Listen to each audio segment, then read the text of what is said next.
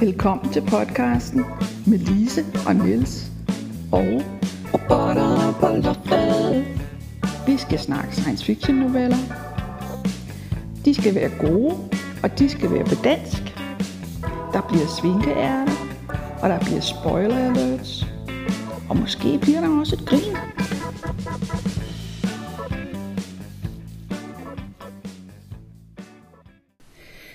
Se, katte, det får jo i hvert fald mig til at smile. Ja, ja. men øh, det er jo ikke katte i biologisk forstand, det her. Men øh, der er katte i den her historie, som er af Bruce Sterling, og som hedder Maniki Neko. Mm. Og som øh, foregår i Japan, så vidt jeg kan få styr på. Og det vil sige, der er en hovedperson, hvis navn jeg helst ikke vil udtale, men, men det er noget i den her retning. Tsuyoshi. Ja. Så ham. Vores hovedperson arbejder fredeligt i sit lille firma med at konvertere videoer. En gang imellem finder han en stump, andre også kan være interesseret i. Så uploader han den til nettet. Nettet husker den slags og gør ham en god gerning en anden dag. Et glas pickles til hans gravide kone er en anonym gave. Faktisk fylder gaver meget. Han kan få sit hår klippet, fordi han kan et håndsignal. En gang imellem ringer hans mobil, og så skal han købe en gave til en anden. For eksempel noget aftershave. Øhm, Eller ja, en kop kaffe. eller en kop kaffe til Nu, nu er han alligevel i Ja, gang med at købe ja. en til sig selv. Ja, Altså det der med gaver og gode gerninger og sådan noget, det fylder jo i hvert fald noget. det gør det. Øh, og det er jo, øh, så vidt jeg kan se, hvis man skal se det i en lidt større sammenhæng, så er det et led i Sterlings forsøg på at afsøge øh, Øh, alternative måder at indrette samfund på, som han sådan set har, har arbejdet med på forskellige leder. Jeg kan lige sige lidt om ham, fordi han er en forfatter, jeg sætter højt.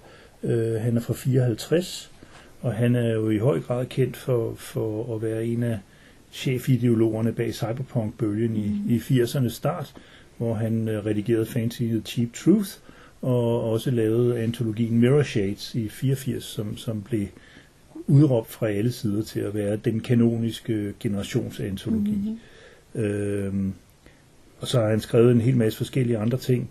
Øh, seneste, det seneste skønlitterære, den hed Pirate Uto- Utopias fra 2016 og foregik i et alternativ verden, hvor i, i, øh, i øh, Fiume i Norditalien, øh, og var meget den er blevet beskrevet som dieselpunk, det kan jeg ikke helt genkende okay. som, men, men det er også fordi, jeg er lidt usikker på, hvor grænserne går for dieselpunk. Det eneste, jeg siger, det sidste, jeg lige vil sige, inden vi kan gå videre øh, mm-hmm.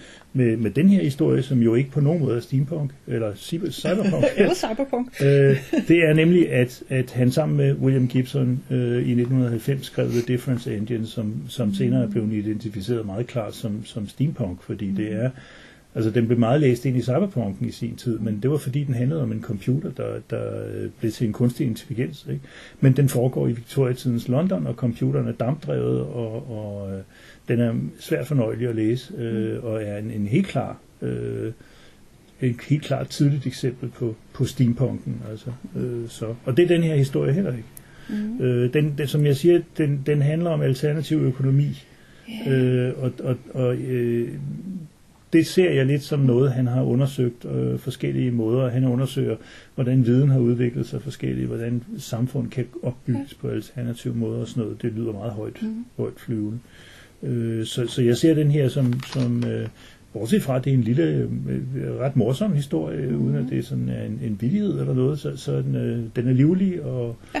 øh, man Den kommer, kører derude, ikke? Ja, man Ikke kommer i lidt godt humør af den, Ja. ikke? Altså, så, så det...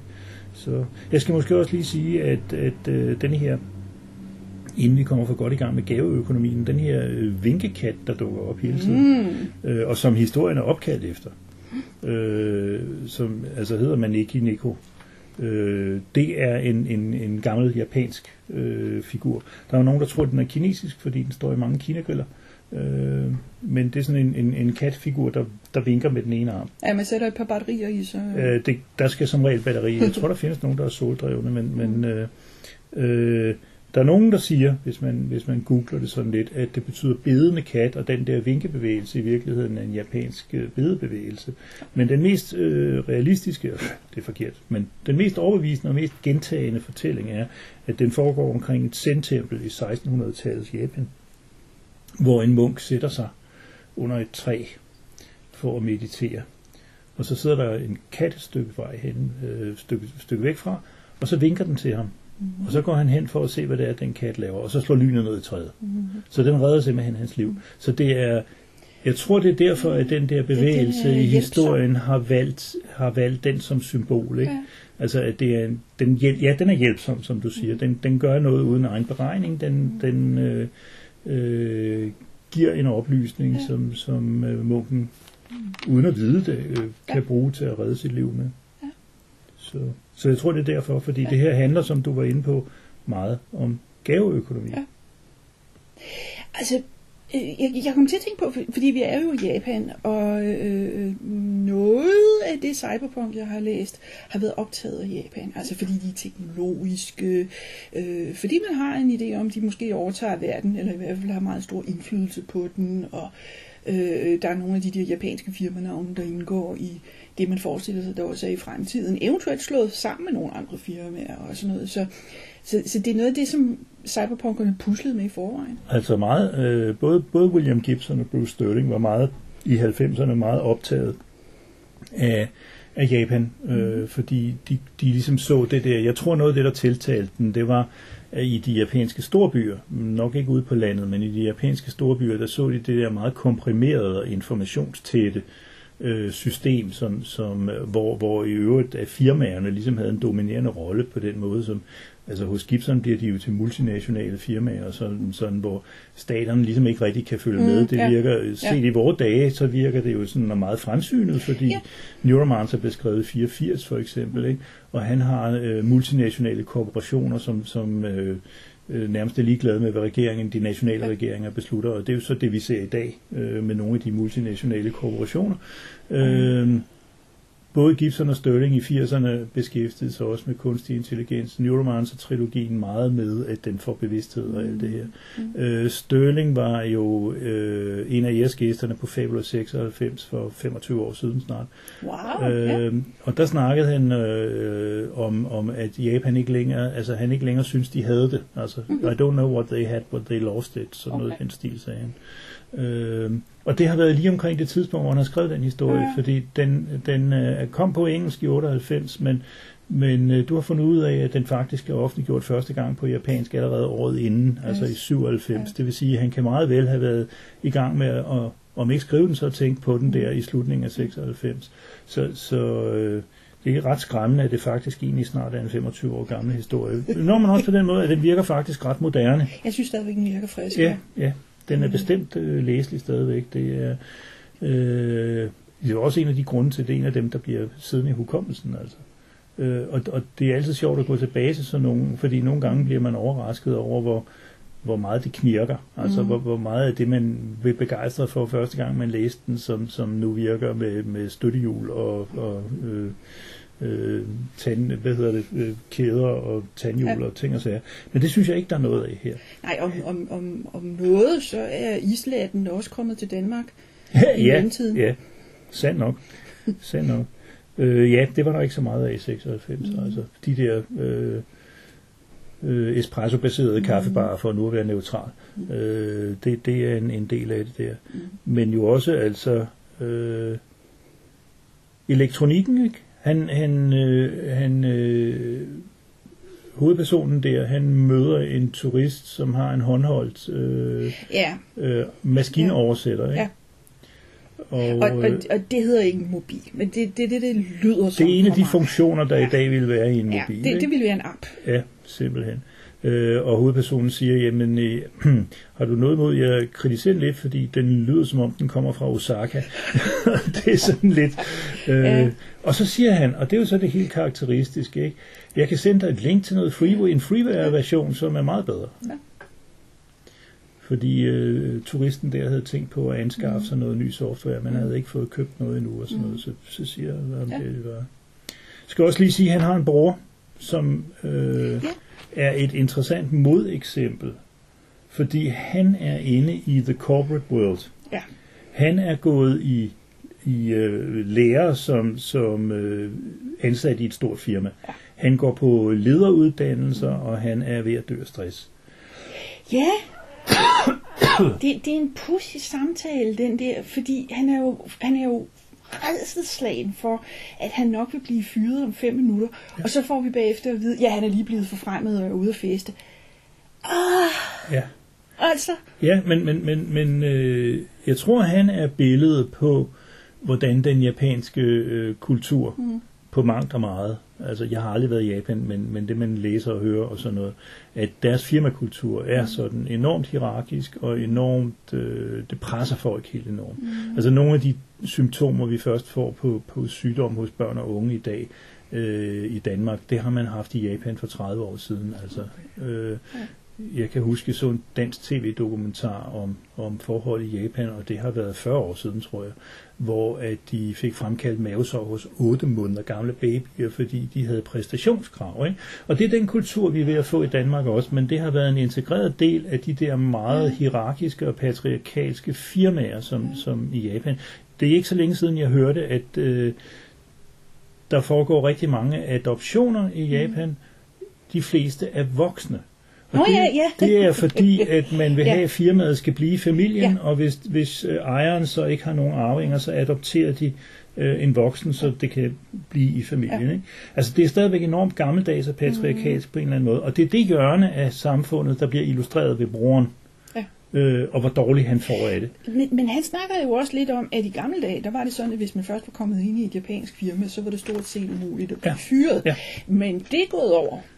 Ja, og hvis de, hvis de, hvis de har beholdt hvis de har beholdt det der enorme præstationspres, mm. og samtidig har fjernet den der patriarkalske sikkerhed, der lå i, at du tilhører så at sige familien, når du arbejder i et firma, så går det galt altså. Fordi den eneste måde, du kan få folk til at holde det der ude på, det er, at du, stort, du stort set er sikret ansættelse for livet. Øh, større eller mindre stillinger, men, mm, og mere dummere eller flinkere chefer og mm. alt det her, men du står ikke pludselig på gaden. Og hvis, hvis, hvis det sådan ligesom også er ved at gå i opløsning, og jeg må indrømme, jeg ved ikke, hvad det er i øjeblikket, hvordan situationen er i Japan. Jeg ved jo kun, hvad jeg tilfældigvis hører og læser. Det er jo ikke et område, jeg forsker i som sådan. Øh, men men øh, jeg ved bare det der med, at, at det klassiske japanske, eller klassiske, men, men det klassiske 1900-tals japanske, mm. det har været meget præstationsorienteret og meget stressfremkaldende. Øh, I så i første. De første, der hører det her. Der er noget, Niels Dahlgaard ikke ved. Jeg ved ikke, vi har snakket om at lægge kortet i den her historie øh, rundt om noget aftershave. Fordi øh, før den aftershave, der er det en historie, der handler om, okay, der er nogle folk, der giver hinanden gaver, men ellers så virker det meget normalt. Efter den aftershave, der går det lidt mere gurk. Jeg vil lige sige, at, at øh, hvad hedder han, To- Toshi? Øh, Skal jeg få kom- nej, nej, det, det er fuldstændig lige det. Jeg, kan bare ikke, jeg har skrevet det ned, så jeg ikke kan læse det. Øh, Yoshiki, øh, et eller andet. Øh, ham med broren, han har også en kone, som Ja. er i syvende måned. Ja. Og øh, det vil jo dels sige, at hun beder ham om at hente ting til sig. Øh, men det har jo ikke noget med, med gaveøkonomien at gøre som sådan. Det har jo bare noget at gøre med gravide kvinder, om man så må sige. Men hun bliver ringet op og bedt om at gøre en tjeneste på et hotel, mm. hvor hun skal gå ind og og så siger hun, kan du ikke lige klare det, ja. Fordi mine fødder har det af helvede til. Og det skaber faktisk, øh, om ikke problemer, det skaber komplikationer, fordi at øh, den her kunstige intelligens, som ligesom styrer alt det her, øh, giver ham besked om at gå ind på dametoilettet. Mm. Det kan ikke jeg ikke, øh, det er ikke min kone, det er mig. Ikke? Mm, mm. Okay, genberegner, siger mm. Mm, det så. Altså som en anden GPS. Som ikke? GPS, ja. ja. Øh, Yes. som jeg ikke er sikker på fandtes så mange af dengang. Men, men, øh, øh, så det er bare for at, Ja. at understrege, hvordan den der teknologi... Øh, det kan godt være, at man kan føle sig overvåget, men den, man føler sig mere hjulpet hele tiden. Mm. Ikke? Og, og, altså, øh, man sidder træt og udslugt på en bænk, og så kommer der en fremmed hen med lige præcis den slags kaffe, mm. man, man, man holder af. Ikke? Og så kan man lidt mere igen, og, og, og sådan noget. Øh, på den måde er det enormt sympatisk beskrevet. Ja. Men det er rigtigt. Øh, han bliver rodet ind i, at han skal gå ind på et hotel, og så skal han gå ind på øh, frisørsalongen og købe en flaske Bayrum, som det faktisk hedder. Mm. Øh, det fandtes, da jeg var barn. Jeg ved ikke, om det findes stadigvæk. Altså noget hårvand. Der er to ting, du ikke ved. Der er mange ting, jeg ikke ved. Øhm, og øh, frisøren siger, det var da pudsigt, jeg har øh, lige præcis en flaske stående, Jamen, der er det- aldrig nogen, der spørger efter. Jamen, det, det, er jo, det, er altså, det er jo det, der er fordelen ved at have en i baghånden, der bare har overblik over sådan noget. må også sige, det er det, det kræver, hvis du skal have sådan en Ja. netværksøkonomi. Ja. Så skal der være nogen, der kan finde ud af, hvordan du kobler Ja. det ene ønske med den anden. Leveringsmulighed. Ikke? Ja, jamen, Ja. lige præcis. Så det er derfor, de tit får besked på, at du skal bevæge dig til A, få noget af B, og gå hen til C og aflevere det til D. Mm, yes, Ikke? Altså, så, men, ja. Ja. Forestil jer en flaske aftershave. Den stiller vi lige op på en hylde et øjeblik. Så er vi nået til den del, der slet ikke har noget med dagens novelle at gøre, nemlig svinkeærnet.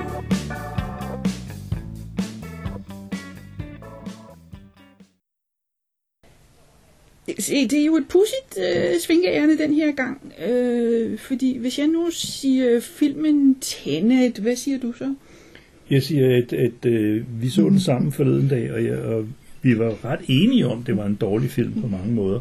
Men du var så nysgerrig på, hvorfor den præcis var dårlig på de måder, som den var dårlig. Så du har set den en gang til, øh, hvad jeg altså ikke har gjort, og heller ikke har tænkt mig at gøre. Jeg synes bare, at det var en dårlig film, punktum. Ja.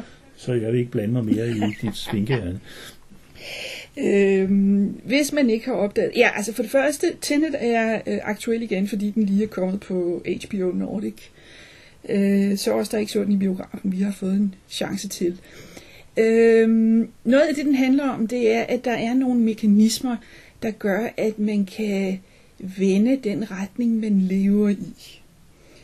Øh, og der, man kommer ikke ret langt, i, ret langt ind i filmen, før man får det her at vide. Altså det er noget med, at han står med en pistol, øh, og så er der en patron, der flyver ind i, pistol, i pistolen. Øh, øh, så, så det er ret klart, at der er nogle ting, der er omvendt. Øh, og det er ligesom det store scoop i filmen. Der er ting, der kører den anden vej. Helt bogstaveligt. Øh, det bliver nogle gange kompliceret, fordi den samme person er der både to og tre gange. På, altså på cirka det samme sted.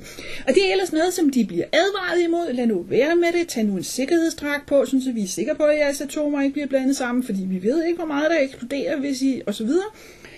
Øh, øh, men selvfølgelig så render de ind i hinanden hele tiden alligevel. To og en halv time. yes. Øhm, og de centrale scener, hvor de netop render om og render øh, op og ned af hinanden og vender retning, og jeg gør ikke, og jeg ved ikke hvad. De scener er så komplicerede, at jeg synes, jeg var nødt til at se dem mere end en gang. For at få styr på, hvad er det Christopher Nolan prøver på her? Øh, hvorfor gør den person sådan der på det tidspunkt? Altså første gang øh, vi så den, der, der, der sad jeg og snakkede om, at, at der er på et tidspunkt en slåskamp mellem Øh, øh, øh, to, og den ene kører fremad, og den anden kører baglæns. Og det er meget underligt, fordi man har bare på fornemmelsen, at den ene gør nogle forkerte bevægelser. Men at det, det decideret baglæns, det er ikke lige til at se med det samme, fordi hvordan ser det ud, når folk gør noget baglæns? Øhm, og det er noget af det, som jeg har siddet og nærstuderet, og jeg har siddet og set YouTube-videoer, og læst, læst forklaringer, og alt sådan noget for at få styr på, hvordan folk krydser ind og ud af tidslinjen. Fordi det er noget af det, der er spændende ved filmen. Ligesom da jeg havde set The Prestige første gang. Så satte jeg mig ned og så den en gang til. Den vil jeg nu altså også sige belønner den ekstra Ja. indsats gevaldigt meget mere, Ja. end Tenet kan gøre. Øh, Det er den der fornemmelse af, at man har set filmen, så ah, det er det, der foregår. Nu skal nu skal jeg lige se den en gang til. Ja, ja, altså det er en glimrende film, og den gav mig meget lyst til at læse bogen. Jeg har bare ikke fået gjort det endnu, men sådan er der så meget. Øh, Øhm, noget af det, der så ikke fungerer så godt, det er, hvor du, altså, hvad, hvad hulen vil det sige, at der er ting, der kører frem og tilbage? Altså, noget af det allerførste, der sker i filmen, det er, at der er et skudhul i en stol. Og så er der en, der kommer hen med et våben, der altså kører baglæns i tid. Og det vil sige, når det våben bliver, op, bliver affyret, så forsvinder skudhullet. Hvad vil det sige? Da de byggede operahuset, så lavede de et skudhul der, fordi de vidste, at en dag ville få brug for det. hvad, hvad, altså, eller på et tidspunkt, der gør de meget ud af, at der er en, der er blevet skudt med et våben, der kører den modsatte vej. Og det er fuldstændig frygteligt, og det eneste, der gør ved det, det er at, at tage den her person og sørge for, vedkommende kører den modsatte vej. Og det giver en eller anden form for mening, ikke? Øh, Jeg har et øh, sår, der kører den modsatte vej, så resten er mig også nødt til at køre den modsatte vej, for at jeg kan heles. Bortset fra, at det der sår, det har jo også været inde i vendemaskinen. Så vi har stadigvæk en person, der har et sår, der vender den modsatte vej. Så, øh, der, der er nogle ting, der, øh, det- altså, de ting, de krasser på den forkerte måde. Det passer med min oplevelse af, at der er nogle ting, der ikke er tænkt igennem. Ja. Muligvis har man tænkt dem igennem og sagt, at det bliver for besværligt, hvis vi skal lave dem ordentligt, men det virker som om, man bare ikke har forestillet sig. Det problem, du snakker om der med, at jamen, hvis du vender polariteten på to øh, tilstødende ting, så har de stadigvæk modsat polaritet. Ikke? Øh, det virker som noget, man burde have fanget et eller andet sted i manuskriptfasen.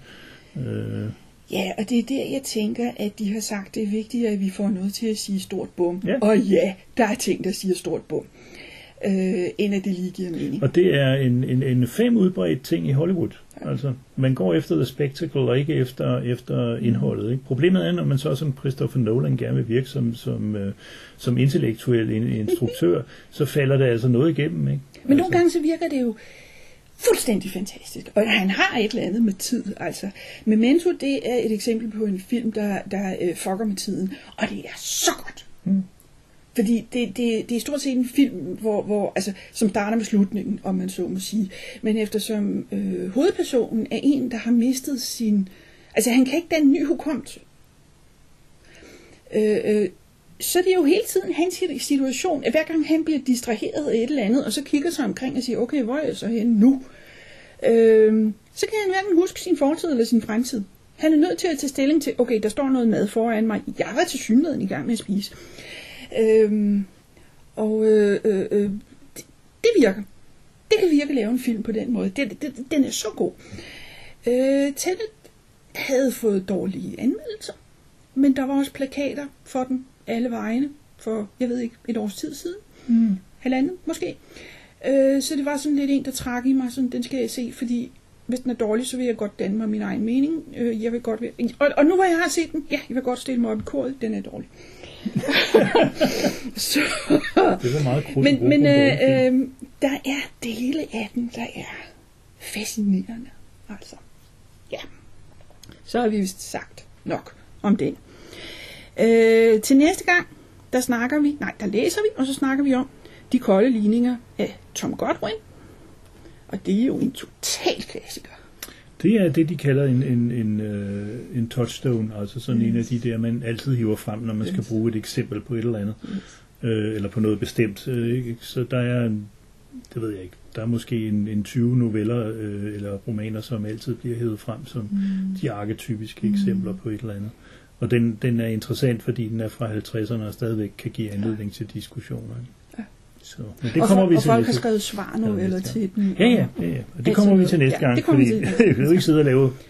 Øh, så Ej, bliver det vi en skal bare dobbelt sidde- episode. Vi skal bare sidde og hype den næste Ja, ja, episode, som ja. vi ikke har lavet nu. Ja. Så, ja. Hvis du lige husker, at Å skal skrives som dobbelt A, så kan du tweete til os på robotter på loftet.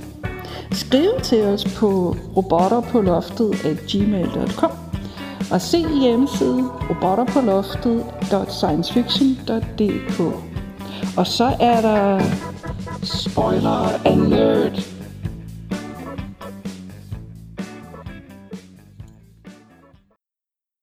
Vi havde altså en flaske aftershave, som vi havde stillet på en hylde. Den tager vi ned nu, fordi den skal hældes i en luftkanal.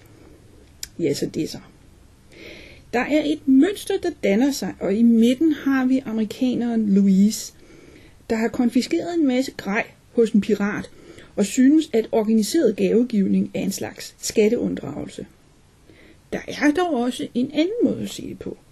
Noget med alternativ økonomi, styret af en kunstig intelligens.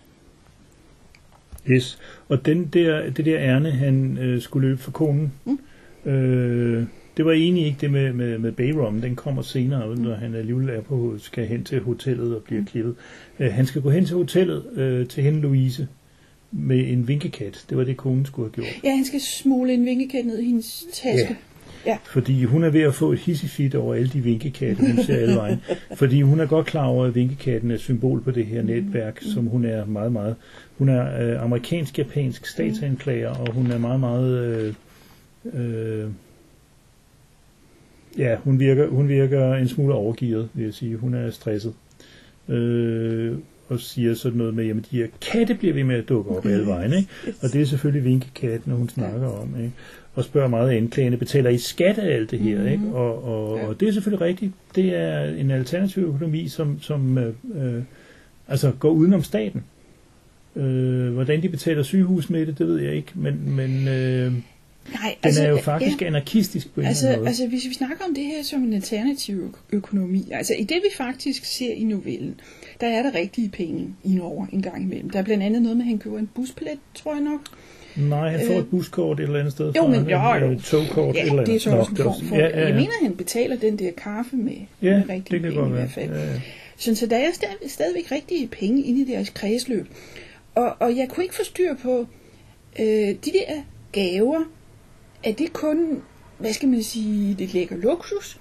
Eller er det hele det her pars økonomi, der er baseret på gaver? Altså, de får børnetøj og sådan forskellige andet sjov i anledning af, at hun Ja. er gravid i hvert fald. Øh, ja, og man, man, er Betaler ikke, de huslejen med ja, man får faktisk ikke at vide, hvor stort omfanget af det er. Men man må antage, at der findes en konventionel økonomi ved siden af. Ja. Blandt andet fordi hans bror repræsenterer en Ja. ansat i et firma, som næppe kører med gaveøkonomi. Altså.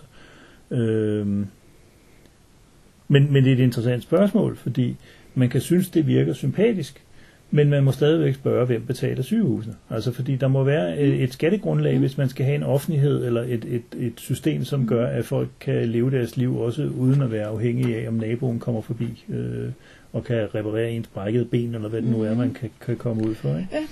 Øh, og det er jo, altså jeg ser det meget, det er interessant, fordi jeg synes, den, den der gaveøkonomi, den, den tyder på sådan en, en eller anden slags anarkistisk tænkning, ikke? Altså det der med, at staten skal, skal ikke være der, det skal, det, vi klarer det hele med en kunstig intelligens, som fordeler hist og pist, ikke? Og jeg kom til at tænke på, at du fortalte, at du for nylig har genlæst Heinleins, uh, Robert Heinleins Yes. uh, The Moon is a Harsh Mistress, som jo også bliver læst i nogle højere anarkistiske kredse, øh, hvor man jo også har en, en kunstig intelligens, der ligesom trækker i trådene. Ikke med en gaveøkonomi, men, Nej. men øh, med at etablere en revolution simpelthen. Ja. Øh, så, så, øh, så ideen om, at, at øh, øh, man kan gøre noget udenom staten, er jo bestemt ikke ny i amerikansk sammenhæng. Jeg vil nu heller ikke sige, at det virker på mig som om, at Stølling er anarkist i nogen konventionel forstand, men, men han afsøger ligesom mulighederne. Ikke? Og jeg synes, det spørgsmål, der bliver tilbage her, det er, hvordan hænger det her shit sammen? Altså, det, det, det er et spørgsmål, man tit kan stille til science fiction historier. Hvordan hænger det her samfund sammen? Mm-hmm. Fordi det er ikke altid, at, at nogen har givet at tænke over det, men det her virker som om, Stølling har tænkt meget over det. Ikke? Altså, det kan jo være, fordi det er lidt nyt. Altså, et, et, øh, altså et, et, og selvom der er mange, der har delet det, det her netværk, så er det stadigvæk relativt lille. Øhm, og jeg synes, det, det, det er vigtigt at sige, at han lægger det i Japan. Det vil sige, når der kommer en amerikansk skattedirektør rendende, øh, så er det amerikanerne, der er de dumme. Ja, og øh, ikke alene det, øh, men Louise der bliver jo truet. Altså, øh, hun er jo simpelthen nødt til at flygte, fordi der står en hel masse nede på gaden, og er sure på hende, ikke? Altså, en flashmob, vil man kalde det i en anden Ja, sammenhæng. ja. Øh, Altså, øh, Maneki Neko er god til at arrangere, at, Ja. at øh, hun skulle ikke have arresteret den pirat og konfiskeret hans computer. nej, nej. Vi er sure nu. Fordi man er helt sikker på, at hvis det lykkes hende at flygte, så går Subwayen i stykker den dag, hun tager den sammen med den, eller, eller noget. Altså, det, det virker sådan... Øh, igen, man ved ikke, hvor 100% overgribende det er, det her. Altså, hvor meget, hvor meget magt har den AI? Har den kun det der... Og hvor stort er det her netværk af, af gensidige vennetjenester? Altså, ikke? Det de- virker stort. Hvis de kan samle en flashmob Ja. nede på gaden, ja. som hun bliver bange for, Ja. så, så, så er det stort. Fordi det er jo bare lokale folk, der er kommet gående, cyklerne, hvad ved jeg. Ja. Plus at hun jo altså er i dårlig humør i forvejen, og er stresset over alle de her vinkekatte, men, men, men øh, Øh, nå jo, det er hun jo er en mental... Det er, jo, det er jo øh, fordi, efter hun konfiskerede de der computere, som har været en vigtig del af netværket, så har verden bare været ond ved hende. Ja. Men der synes jeg, at løsningen er sjov, og nu er vi jo kommet på den anden side af spoiler-alerten. Fordi øh, den her brormand, som, mm. som øh, var ved at gå nedenom og hjem i det her konventionelle firmasystem med efteruddannelse og chef mm, og alt muligt, han kommer forbi. Mm. Og så tager han Louise med op i bjergene mm. til det kloster, han havde overvejet at trække ja. sig tilbage til. Så de, finder hver fra, de kommer hver fra sin side øh, i det her i stress øh, moderne samfund, og finder ud af at smutte op i bjergene til, til noget, som, som øh, helt ærligt ikke virker så tiltalende igen at sidde og mumle sendbønder. Øh, men, men, øh, ja, ja, selvfølgelig. Altså, hvis alternativet det er at blive ved med at få vinkekatte i sin taske, så... Eller blive flået fra Og, hinanden. og øh, pizzaer, der smager forkert. Og, og, og sådan noget. ja, ja, ja. ja. Så, så synes Nå, men nok, Louise har rigtig god grund altså, til at Altså, flytte sig. jeg, jeg vil nok sige, jeg ville nok have prøvet at sige undskyld først. Ja, men det virker, det virker virkelig som om, at, at øh, om det så er den kunstige intelligens eller, eller nogen andre, så er de blevet sure på hende i hvert fald. Jamen, altså, altså, det er ret tydeligt, hun kan kommunikere med den. Og så Ja. sige, okay, Maneki Neko, hvad skal jeg gøre? Ja, det tror jeg ikke, hun er Nej. på. Nej, Altså, jeg har, jeg har ikke noget klart billede af hende i hovedet, men, men hun virker klart som sådan en, sådan en øh, hvad kan man sige, altså en, en, en, en meget øh, selvhævdende og meget øh, bestandt og meget ej øh, mm. og meget magtbevidst person. Mm. Ikke? Jeg tror ikke, hun beder om undskyld nogen som helst steder. Altså. nej. Øh, det, det virker ikke som om, det er hendes jobbeskrivelse. Men så tager hun jo kun med op på det bjerg, fordi hun er i panik. Vi ved ikke en skid om, hvad der sker senere. Nej, det er rigtigt. Altså, øh, det ligger jo uden for slutningen ja. Af teksten, og så kan man spekulere lige så tosset man vil, men forfatteren er jo ikke forpligtet på det. Men jeg synes bare, at den er meget sød, fordi de ligesom har hver deres grund til, til øh, ikke rigtig at kunne klare øh, systemet. Altså, mm. hendes grund er mere akut måske, men, men øh, brormands har jo altså heller ikke. Han drikker for meget, og han øh, Ja. ved at, at få pip, og har, ja. Havde undersøgt eller overvejet det der med, med det der sendkloster op i bjergene øh, inden. Så, så øh, der er en eller anden slags... Øh, jeg synes, der er noget lidt vist smukt over, at de futter af. Det er ikke sikkert, at de kan holde hinanden ud, eller vil det samme, eller noget som helst, men det der med, at altså, og støtning for at løse to, to utilfredshed på personer på en gang, det er sådan lidt... Ja, yeah. altså, der har jeg altså fornemmelsen af, at brugeren er der kun for at kunne hjælpe hende ud af vinduet til sidst. Ja, altså det kan godt være, men han bliver jo i, i starten... Han er plantet for at kunne I være starten til er han, jo, er han jo vigtig som kontrast til hovedpersonen. Fordi man får det der Ja. beskrivelse af det konventionelle økonomiske japanske hierarkiske system, mm. som han har det helvede til med, mm. men som han har valgt at ligesom prøve mm. at gøre karriere indenfor. Jeg ved ikke, om vi fik fortalt, at den der Bayrom, den skulle bruges til, fordi det var øh, Louises assistent. Ja, Nå ja, det er rigtigt. Louises assistent var allergisk over for et eller andet i den. Ja, det, Øh, det er endnu en måde at irritere på, for, fordi han får jo lynhurtigt øh, knupper, eller han begynder at snøfte, jeg ved ikke Ja, ja, hvad. ja. Og det vil sige, at han bliver ikke slået ihjel, men han kan ikke, han kan ikke være der. Nej, altså det de gen- generelt gør, det er jo nålstik, vil ja. Man sige. De, de er jo ikke... De, de, de laver, altså, den kunstige intelligens kunne have fusket med trafiklysene, så, så Louise ville blive blevet kørt over. Ikke? Mm. Men det er ikke sådan noget, han gør, eller den gør, hun mm. gør, den det, det gør. Ikke? altså det er mere sådan, øh, nu prikker jeg lidt til dig, så kan det være, at du opfører dig ordentligt. Ikke? Nej, det gjorde du ikke, så prikker vi lidt mere til dig. Ja, ja men lige præcis. Ja. Så Der er noget med, der er en scene i Neuromantiker, hvor der er en, der går hen ad gaden, og så ringer alle telefonerne. Ja. Og det er sådan lidt den samme fornemmelse. Det er fordi han øh, i første omgang ikke har sagt ja til at arbejde, så vidt jeg husker, ikke har sagt ja til at arbejde for, for øh, den kunstige intelligens, ja. øh, Neuromancer. Ja. Øhm, og så er det ligesom en måde for den at sige på, at jeg ved godt, hvor du er, jeg har styr på dig, jeg kan... Mm. Altså nu skal vi stadig huske på, at bogen er fra 84. Øh, Mm. den er før... Øh, altså i dag griner man jo lidt af det der forestilling om en masse mønttelefoner. Mm. Fordi øh, den forestiller at foregå i 2000 og et eller andet vildt, øh, og, og, og øh, der er ingen, der har tænkt på, på mobiler eller noget som helst i den retning. Så, så det er mønttelefonerne, men det viser, at den computer har access til telefonnettet. Ja. Øh, noget, som vi i dag øh, jo stort set er, er nødt til at betragte som en selvfølge, nemlig at alt og alle overvåger alt og alle. Øh, det er en af de scary ting i Neuromancer. Mm en af de scary ting ved kunstig intelligens og computernetværker. Øh, der var nogen, jeg kan, huske, jeg kan ikke huske hvem, men der var en eller anden, der bemærkede, at det var sgu pudsigt. Der var så mange, der snakkede om den, som om den var en, en utopi. Den er da fucking dystopisk, altså. Øh, jeg synes ikke, at, at der er noget af det, som den beskriver, der er... Øh, Øh, altså, de kunstige intelligenser har en happy end.